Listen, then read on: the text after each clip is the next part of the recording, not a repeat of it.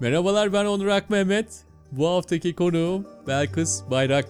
Kasım ortası gerçekleşecek olan Uluslararası Malatya Film Festivali'nin direktörlerinden biri. Geçen sene aynı festivalde uluslararası program koordinatörü olarak yer almıştı. Üniversiteden 2006 yılında mezun oldu Belkıs. Birkaç yıl bankacılık yaptı. Sonrasında ise yoğun olarak sinemayla uğraşıyor. 8 tane kısa filmi var. Video art ve belgesel projeleri var. Aynı zamanda bir web serisinde çalıştı. Halen uzun metraj filminin senaryosunu yazıyor. Sinemaya girişi alaylı tayfadan ama şimdi de okullu. Tarkovski'nin Ayna filmiyle Mustafa Kara'nın Kalandar Suğu filmleri üzerine Bilgi Üniversitesi'nde bir yüksek lisans tezi yazıyor. Anlayacağınız Belkıs sinemanın olduğu her yerde var, bil fiil çalışmakta.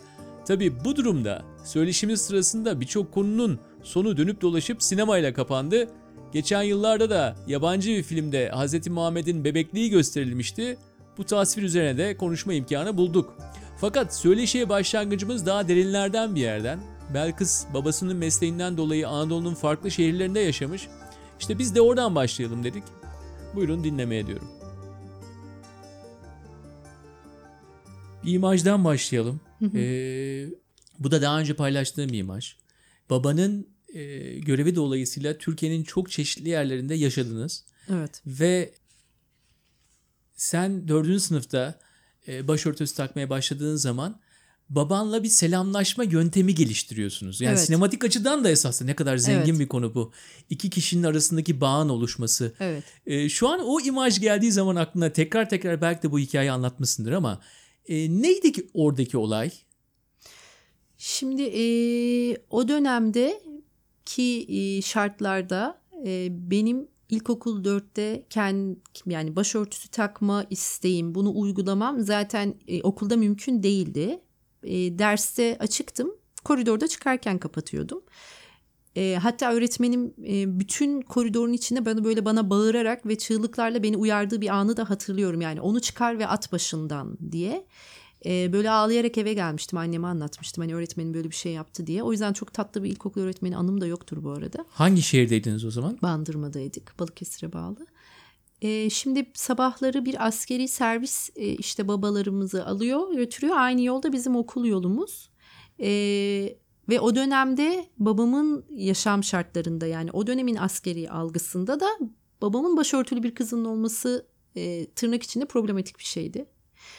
O nedenle çocukların hepsi babaları gittikten sonra bir e, böyle el sallama seremonisi olurdu. Çünkü hani orada oturanın çoğu kişinin babası asker olduğu için mahallenin babaları gidiyor gibi bir durum olurdu. E, ben o zaman babama el sallamayı çok istediğim bir anı hatırlıyorum. Fakat e, diğer kişiler benim babamın kızı olduğumu görmesini istemedim. Yani bilmelerini istemedim. E, ve içimde tuttum o duyguyu. Tam o anda baktım e, babam e, pencerenin köşesini eliyle kapatmış kimsenin görmeyeceği bir yerden bana el sallıyordu. E, ben karşılık vermedim ama o babamın çabası tabii ki böyle şeydir yani tam dediğiniz gibi bir film karesi gibi aklımdaydı. E, o zaman da bu beni şey yapmamıştı yani ben mutluydum. Hani çünkü önemli olan benim babamla selamlaşmamdı ve ben onu tamamlamıştım. Ee, sonra sonra büyüdükçe o duygunun aslında bir yerde böyle çok acıklı bir yanı olduğunu da fark ettim. Ee, o yüzden o silinmeyen şeylerden birisi yani imajlardan bir tanesi benim için öyle. Ama işin ilginci yaşandığı anda illa acıklı bir durumdan bahsetmiyoruz değil mi?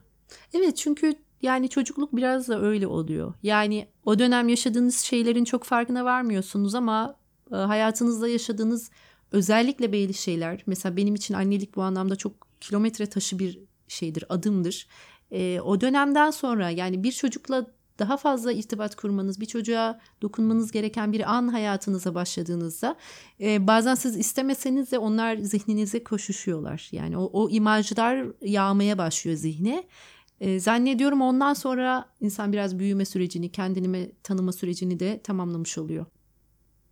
Bir yerdeki röportajında şöyle bir şey diyorsun. Yani e, bankacılık benim için hani çok e, istem e, istemim sonucunda olan bir şey değildi sonuçta. Kamu e, kamuya ait yerlerde kolay çalışamadığım için, resmi yerlerde çalışamadığım için o zamandan bahsediyoruz tabii. Tabii. Biraz banka hani başörtülü bir insanın çalışabileceği alanlar içerisinde böyle daraltılmış alanlar içerisinde olabilecek yerlerden bir tanesiydi. E tabii şimdi uluslararası ilişkileri bitirdim. Mezun olduktan sonra yani en güzel şey sizin için hani bakanlıklar, Dışişleri Bakanlığı çok güzel deniliyordu. Teknik olarak benim girebileceğim yerler değildi. Yani uluslararası ilişkilerle özel sektörde yapabileceğiniz şeyler de kısıtlı. Yani orada zaten yine insanların sizi kabul etmeme durumu var. Ya ben mesela bir e, bir firmayla mülakata gelmiştim İstanbul'da. E, beni bir odaya aldılar mülakata almak için bekletme yerine. E, sonra bir bayan geldi ve şey dedi. E, kusura bakmayın e, sizinle görüşme yapamayacağız e, sizden dolayı dedi. Yani burada ben anlıyorum başörtüsü mü kastettiğini. Yıl Ama kaç bu arada? 2007 olabilir. E, gerekçesine hala gülüyorum. Çünkü biz uluslararası bir firmayız dedi. Yurt dışı yazışmaları yapıyoruz dedi. Ben de ayrıldım hani %100 eğitim dilimin İngilizce olması vesaire. Hani bunlara zaten giremeyiz çünkü başka bir bakış açısıydı. Bu şey demiyorum yani hani bu herkesin yaptığı bir şeydi. Bir şekilde tırnak içinde Müslüman olup hani bunu yaşadığını söyleyen kişiler de e, birlikte görünmeme kaygısı yaşadığı için onlar da başka sebepten tercih etmediği oldu. Yani örnek veriyorum belki bir gazetede çalışmak istiyordunuz ama o dönemde o gazete küçük büyümek istiyor bazı hedefleri var kendisini çok böyle bloklu göstermek istemiyorsa ya da bir televizyon kanalı. Dolayısıyla bu şeydi yani öcüydü. O bir öcüydü ve e, bu öcülük sadece belli bir cenaha ait değildi. Bu genel bir bakış açısıydı yani. Genel olarak problemli bir bakış vardı. Hala bunun çok aşıldığını düşünmüyorum. Yani e, bu bence hala devam ediyor. Ee, bir kere yani bunu yaşayan insanlar henüz bunun travmalarını çok atlatabilmiş değiller. E, Ben kendi adıma bazen böyle içimde yakalıyorum çünkü o anları. E, Biz normalleştiremiyoruz. Bunun normalleşmesinin istenmiyor da olabilir. Çünkü bu bir motivasyon. Yani biraz her şey şeye bakıyor ya insanları yani biz biraz e, gerçekten birbirimize yaklaşmak için mi yoksa dünyada belli bölümlere ayrılalım ve bu bölümler arasında e, belli tatsızlıklar yaşansın için mi her şey planlanıyor ve düzenleniyor? Ben bundan çok emin değilim. O yüzden başörtüsü orada kıymetli bir yerde duruyor. O göze bakınca onun bir değeri var. Benim için öyle olmadığından dolayı ve e, normalleşmesini istediğim için örnek veriyorum. Şu anda bir uzun bir kısa metraj senaryo üzerine çalışıyorum. İkisi de başörtülü kadın karakter. Çok konuşulan konulardan bir tanesi de e, maneviyatın sinemaya girmesi ne kadar girebilir E, biliyorsun tabii sen senaryo yazarı olarak bu çatışmalarla bütün günün geçiyor. Evet. E, çatışma kelimesini de çok sever senaristler zaten her yerde. Şurada çatışma var mı burada var mı var Çünkü mı? görüyor şimdi o ona taktığı için hani şey gibi düşünün yeni evlenecek evlenme aşamasında olan kişiler gittikleri evlerin hep koltuk mobilyalarına bakarlar. Çünkü hani kendilerine ev alacaktır. Yeni evleneceği için ev düzecektir. İşte e, hamile kadınlar yolda yürürken ben bir dönem sadece hareket eden bebek arabalarını görüyordum. Çünkü çocuğuma bebek arabası alacağım hangi marka almalıyım diye. E, senaristin de malzemesi çatışma olduğu için hani nereye bakarsa baksın onu görüyor. O yüzden de o dile de vuruyor. Ha bir algıda seçicilik oluşuyor Tabii ki orada. mutlaka. E, maneviyatın sinemaya girmesinde de şöyle bir çelişki olabilir. E, acaba işte maneviyat olduğu zaman e, belli bir didaktik unsur mu ön plana çıkmaya başlıyor? E, işte doğru ve yanlış kalıpları çok mu sınırlarla ayrılmış oluyor? Doğruya doğru böyle bir ok mu seriliyor? Aa, bak bu doğru deniyor. Yani orada bir orada da bir çelişki var. Ne dersin bu konuda? Çok güzel yani en böyle gerçekten kafa yormaktan, üzerine düşünmekten keyif aldığım konulardan bir tanesi. Ee, bir kere bence maneviyat hani sinemaya bu kadar yakışır. Bu kadar da güzel durur. Bunu baştan söyleyeyim. Ee, ama layığıyla yapılırsa, güzelce yapılabilirse yani onun üstesinden gelinebilirse. Ee, şimdi burada didaktik olmak, işte çerçevelemek bütün bunlara katılıyorum ama bu dediklerimiz zaten tırnak içinde iyi film midir? Yani iyi bir sinema filmi yaparken maneviyatı da bir arada götürebiliyorsak zaten güzel olanı budur yani kıymetli olanı budur. Ha, bu olabilir mi? Bu mümkün müdür? Buna bakmak lazım. Bu mümkündür. Peki bu mümkünlüğü nereden geliyor? Nasıl geliyor? Yani çatışma çatışma çatışma diyoruz değil mi? Yani zaten Müslüman olma şeyi hep bu çatışmayla beslenen bir şey. Ben o anlamda çok yakın görüyorum. Şöyle örnek vereyim. Hazreti Muhammed döneminde e, bir grup sahabe onunla beraber oturup sohbet ediyorlar. Diyorlar ki ya biz seni burada dinlerken melek gibi oluyoruz. Çok güzel şeylerden bahsediyorsun. Böyle güzel manevi besleniyoruz ama eve gidiyoruz. Her şey tersine dönüyor. Buraya geliyoruz tekrar bu durum. O zaman da diyor ki Hazreti Muhammed eğer siz böyle olmasaydınız Allah sizin yerinize yine günah işleyip tövbe eden bir kavim yaratırdı. Şimdi bütün mesele zaten yanlışlar yapmak ve yapmamak. Yani o sınırları bireysel olarak çizebilmek ve çizebilememek üzerine. Şey üzerine değil. Yani bir melek gibi ya da işte her şeyden uzak, her şeyden kapalı, bir çilehaneye kapatılmış bir derviş gibi yaşayabilmek değil. Bu da kıymetli. Bunu hani eleştirir bir yerden söylemiyorum ama bizim hayatımızda zaten biz bir çatışmanın içerisinde ilerliyoruz. Bu sadece İslamiyet değil, tırnak içinde iyi insan olmak dediğimiz şey de böyle. Yanlış yapıyoruz, bu yanlışımızı eleştiriyoruz, tekrar düzeltiyoruz. Şey demiyoruz yani kusursuz ve işte tertemiz bir gün, çok dürüst bir gün. Hayır he, tabii ki dürüst olmadığımız, e, kendi sahtekarlığımızı yakaladığımız çok fazla şey var. Bütün bunlarla hesaplaşabilme becerimiz yani benim maneviyat e, tanımım böyle bir tanım. E, bunun içerisinde ibadeti koyabilirsiniz, çıkarabilirsiniz. Ama temel anlamda ahlaklı olmak, dürüst olmak, gerçekten hani en temel insani e, şartları sağlamak ve sağlamamak. Bu, bu çekirdek olan yani kritik olan kısım benim için önemli. Ben bunun adına maneviyat diyorum. Bunu sinemaya yerleştirmek de zaten hani ustaların yaptığı şeyler. E, Tarkovski sinema benim için bir ibadet, Tanrı'ya bir şükür biçimidir diyor. Çünkü o orada deniyor. Onun yolu o. Sinema ona o tefekkürü sağlıyor. Nasıl olabilirim sorusunu sordurtuyor. Şimdi e, maneviyat dedik biraz da e, kutsal olarak addedilen şeylerle e, dalga geçmekten bahsedelim. Neden bu konudan bahsediyorum? Çünkü şimdi ben bu soruları sorduğum için e, ben mesela kutsallık benim için çok sorunlu bir şeydir.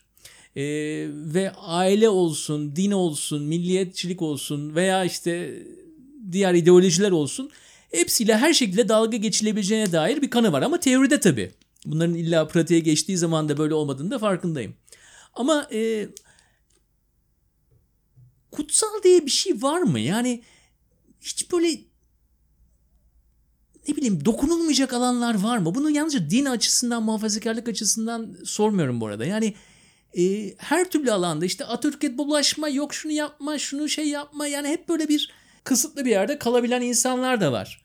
Kutsal Evet, var mı? Ben şimdi o yüzden bu ayrımı da yapacaktım. Aslında yani muhafazakarlık dediğimiz şeyin e, alanı daha geniş biliyorsunuz. Yani e, dindar olmakla ilgili bir durum değil. Yani her düşüncenin, her ideolojinin, her inanış biçiminin e, muhafazakar versiyonu olabilir, olmayabilir.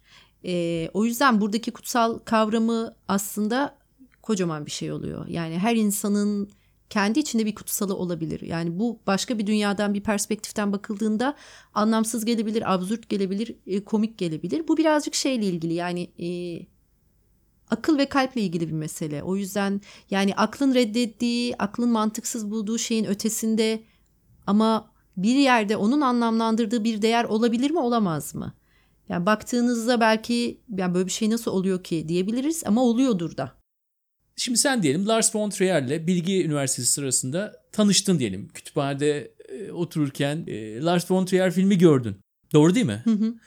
E, öyle bir yönetmen var. O da iktidarla hani böyle şeyle e, biraz o batının katılığıyla devamlı uğraşan bir adam. E, Lars dedi ki mesela Belkıs dedi işte bir tane son film var. E, ama izlemeni istiyorum. Ha, tamam peki izleyeyim. Ama içinde e, peygamber gözüküyor. Hı hı. E, şimdi bu algıyı biz biliyoruz tabii Türkiye'de yaşayan insan olarak peygamberin e, Muhammed'den bahsediyorum e, şekilsel olarak bir şekilde temsil edilmesinin e, kabul edilmediği Hı hı. ne dair bir algı var. Ne kadar doğru olduğunu sen söylersin ama böyle bir durumda mesela böyle bir şeyle karşılaştığın zaman madem sınırlardan bahsediyoruz ne yapardın? Hmm. Yani burada bu filmi benim izleyip izlemememin benim düşüncemin dışında bir şey. Bir kere ben o filmi örnek veriyorum. Böyle bir film izlenmesi gerekiyorsa bunu izlerdim. Ama bunun finalinde de kendi düşüncemi tabii ki söylerdim. Çünkü e, yani biz biraz özgürlük kavramını bazen tırnak içinde yanlış algılıyoruz. Yani birinin dayattığını öbürünün kabul etmesi aslında özgürlük değil. Yani Trier bana böyle bir film yaptığını söylemeli. Ben o filmi izlemeliyim ama finalinde ben de ona kendi feedback ve kendi görüşümü vermeliyim. E, o zaman gerçek anlamda bir özgürlükten bahsedebiliriz. Yoksa e, benim ona getireceğim bir eleştirinin eleştiri değil daha doğrusu kendi görüşümü beyan etmemin e, kötü bir tarafı olamaz. Onun da film yapmasının kötü bir tarafı olamaz. Bu soruyu sormamın nedeni de şu. Yani e, böyle filmlerin gösterimleri zaman zaman kısıtlanıyor tabii. Çünkü insanlardan gelecek infial tarzındaki reaksiyonlardan korkuluyor. E, sansür e, kendi kendine sansür de söz konusu. apaçık sansür de söz konusu olabilir. Veya belli kısıtlar gösterilmesi. işte şu belgesi eksik bu belgesi eksik gibi. Böyle durumlarla cebelleştiğimiz zaman tabii yani işte tabii mesela bu podcast tamamen e, özgürlükçü tarafta. Yani ama ne yaparız yani öyle bir durumda mesela böyle bir şeyin gösterildiği anda e, nasıl bir pozisyon almalıyız? Şimdi burada e, ben örnek yönetmeni değiştirmek istiyorum müsaadenizle. Çünkü Tabii ki, çok iyi Lars olur. Trier aslında birazcık e, tırnak içinde Hristiyanlıkla ilgili muhafazakarlığı eleştiren, bu konuda zaten kendi aile kavramı vesaire bütün bunlarla problemleri olan e, sinemaya ayakkabınızın içindeki taştır der zaten. Yani o rahatsızlık üzerinden sinema yapmayı tercih eden birisi. E, Ha- Hazreti Muhammed'in tasvirinden bahsedeceksek yani çok yakında önümüzde Mecit Mecidi'nin çektiği film onun Türkiye'de gösterimi meselesi vardı. Ya bu konuda ben böyle birçok ortamda bulundum çünkü o dönemde e, çalıştığım e, festivalin jüri başkanı Mecit Mecidi'ydi ve bu film yeni çekilmişti. Böyle her şeyin iç içe girdiği bir andı ve çevremdeki birçok arkadaşım da sordu ya yani ne oluyor hani tam olarak durum nedir diye. Şöyle şeyler oldu yani sinema alanındaki bir akademisyen e, bu filmin Türkiye'de gösterilmesinin çok tehlikeli olduğunu, çok sakıncaları olduğunu, yarın bugün işte neon ışıkları içerisinde bir Muhammed tasviriyle önümüze başka bir filmin gelebileceğini yani bunun bir bir kapının kapıyı açacağına dair. açacağını söylerken e, bir ilahiyat dekanının hiçbir hiçbir şekilde buna katılmadığını ve bu filmin tabii ki gösterilmesi gerektiğini söylediği de oldu. Dolayısıyla e, bu tür şeylerde o kadar öznel bir durum var ki. İşte ve- ben senin pozisyonunu merak ediyorum. Benim pozisyonum böyle bir film tabii ki yani bu zaten yönetmenin derdini de dinledik. Orada işte onun çocukken tasvir edilmesi vesairesi.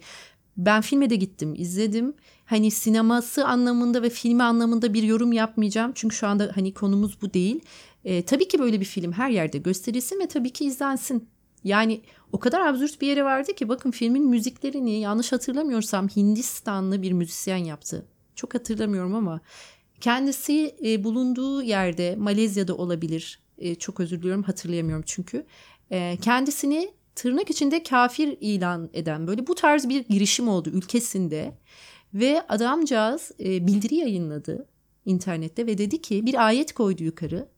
Bakın ben bu filmin müziklerini yaparken bu ayeti kendime referans almıştım. E, yani hani nasıl olabiliyor böyle bir şey diye bir şey yayınladı. Bu mesela bu bana komedi ya da absürt bu bana çok acıklı geldi. Yani çünkü o kendisine o filmde bir hikaye bulmuş ve bir filmin müziğini yapmış. Ya bir filmin müziğini yapmaktan dolayı insanların böyle bir şeye girişebiliyor olması problemli. Üzücü. Senin için çocukluk ne anlam ifade ediyor? Biraz tabii biraz önceki örnekten daha çeşitli örnekler verebilmek istiyorum. Ee, Bunu neden soruyorum biliyor musun? Bu arada seni biraz dinlendireyim. Yani yapımcı veya yönetmenlere hani genel sorulan sorudur ya bu. Nereden besleniyoruz dedikleri zaman işte olayın o şeyi geliyor. Yani o ilk gençlik yılları, gençlik yılları oradaki izlenimlerden biraz böyle bir zenginlik oluşuyor. Biraz oradayım. Yani e, bir yandan şey diyorum hani aslında şey vardı yani o zaman trend olan ve belki de kitleselleşen her şeye karşı kendimce bir itirazla geliştiriyor olabilirim. Yani mesela bir, sürü çocuk evcilik oynarken ben mutlu olmuyordum. Belki de hani onun içine girip ona inanmıyordum. Onların hepsi inandıkça hani ben belki de daha da gıcık oluyordum. Hani tam olarak ne yapıyoruz? Bir de bu kadar kişi hani bir arada ne yapıyoruz diye. Ee, annem şey der yani imajlar hatırlıyorum Ee, Ankara'da lojmanda ilkokul zamanımızda böyle çok büyük bir e, şey vardı böyle dev bir arazi vardı ve oradaki otlar çok uzundu. Onlar böyle rüzgarda bir kadının saçları gibi dalgalanırdı. O, o onu çok uzun izlediğimi çok hatırlıyorum. Yani o benim o kadar net aklımda kalan bir imaj ki daha doğaya dönük bir çocuktum. Yani aslında mutlu olduğum alan oydu. Ee, o otların arasından yürüyerek gelirdik okula. Annem balkonda derdi beklerdim ilk çocuksun hani aman gelsin eve diye.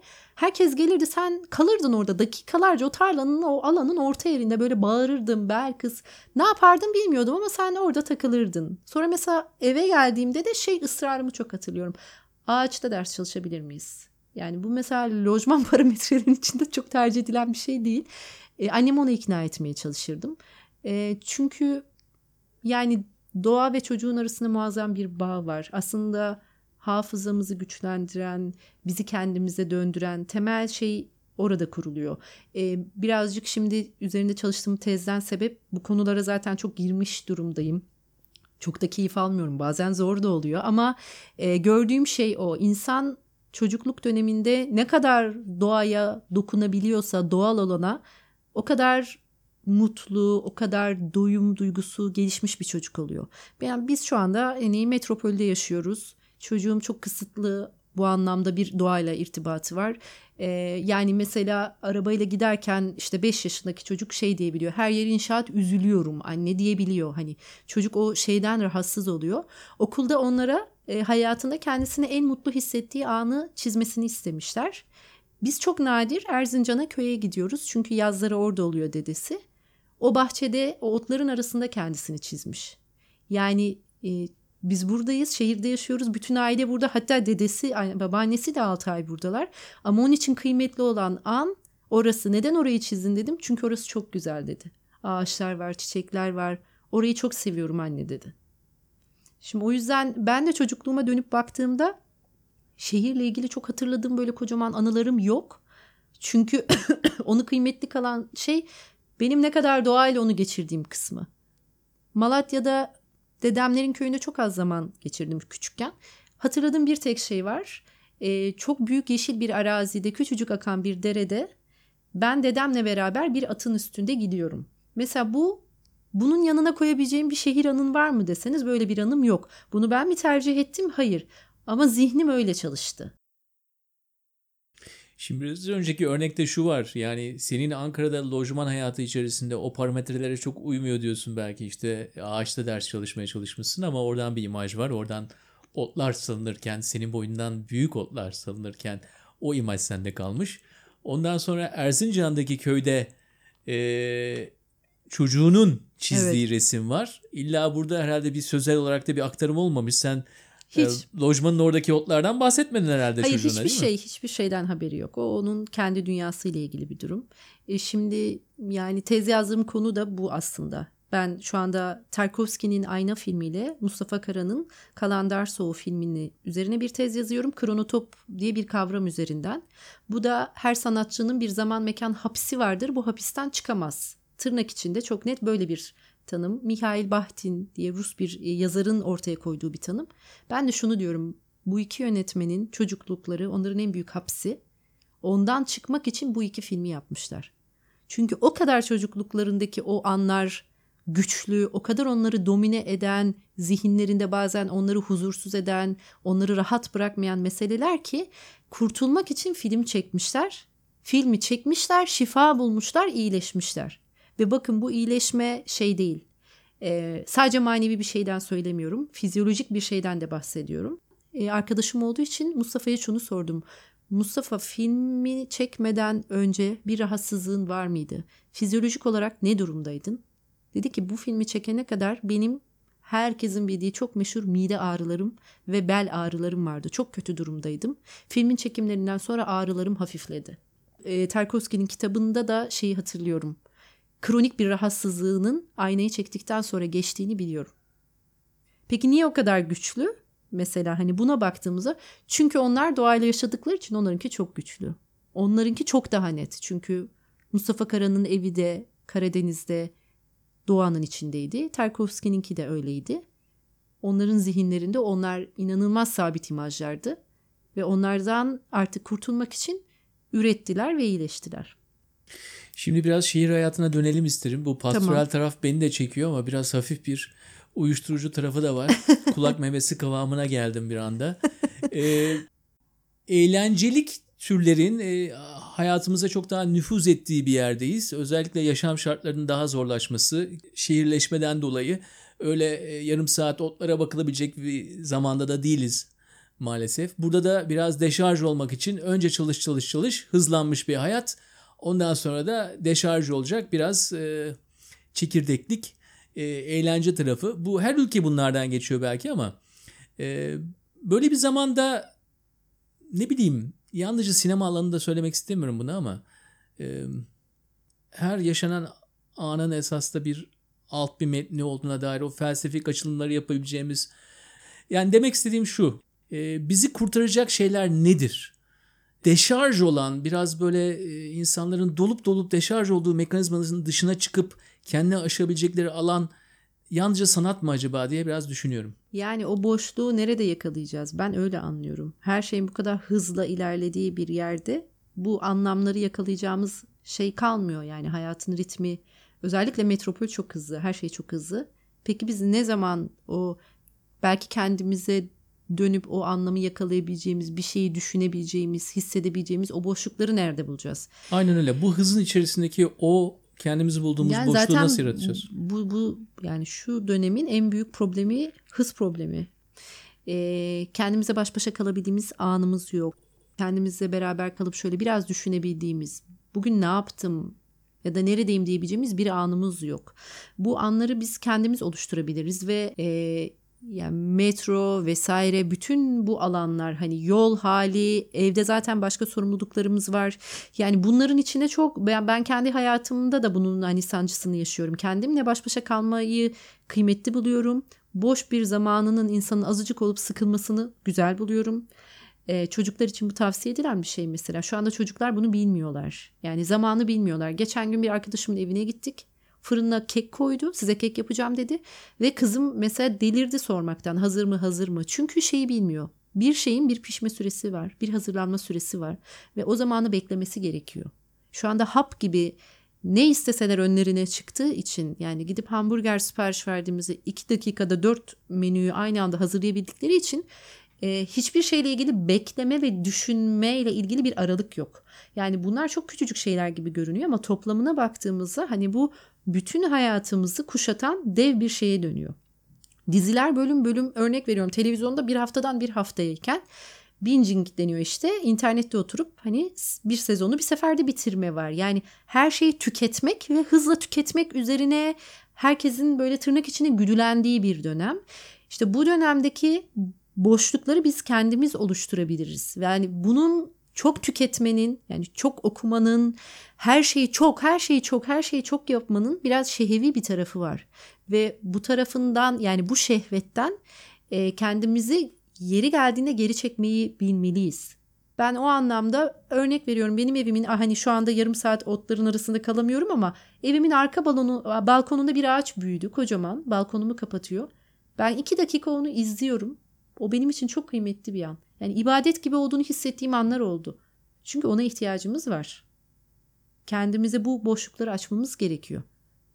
Bir sürü inancın ibadet diye hayatında böldüğü o periyodik şeylerin amacı aslında bu. Bütün bunların dışında bir anlam boşluğu yaratıp o arada her şeyi yani hayata dair her şeye kısa bir mola vermek. Dost buluşmaları dediğimiz şeylerin terapi gibi geçmesi. Mesela bugün buradaki bu sohbetin terapi gibi geçmesinin nedeni de o. Çünkü bugün biz her şeyi bir kenara bıraktık. Her şeyi durdurduk ve kendimizle ilgili bir şey konuşmaya başladık.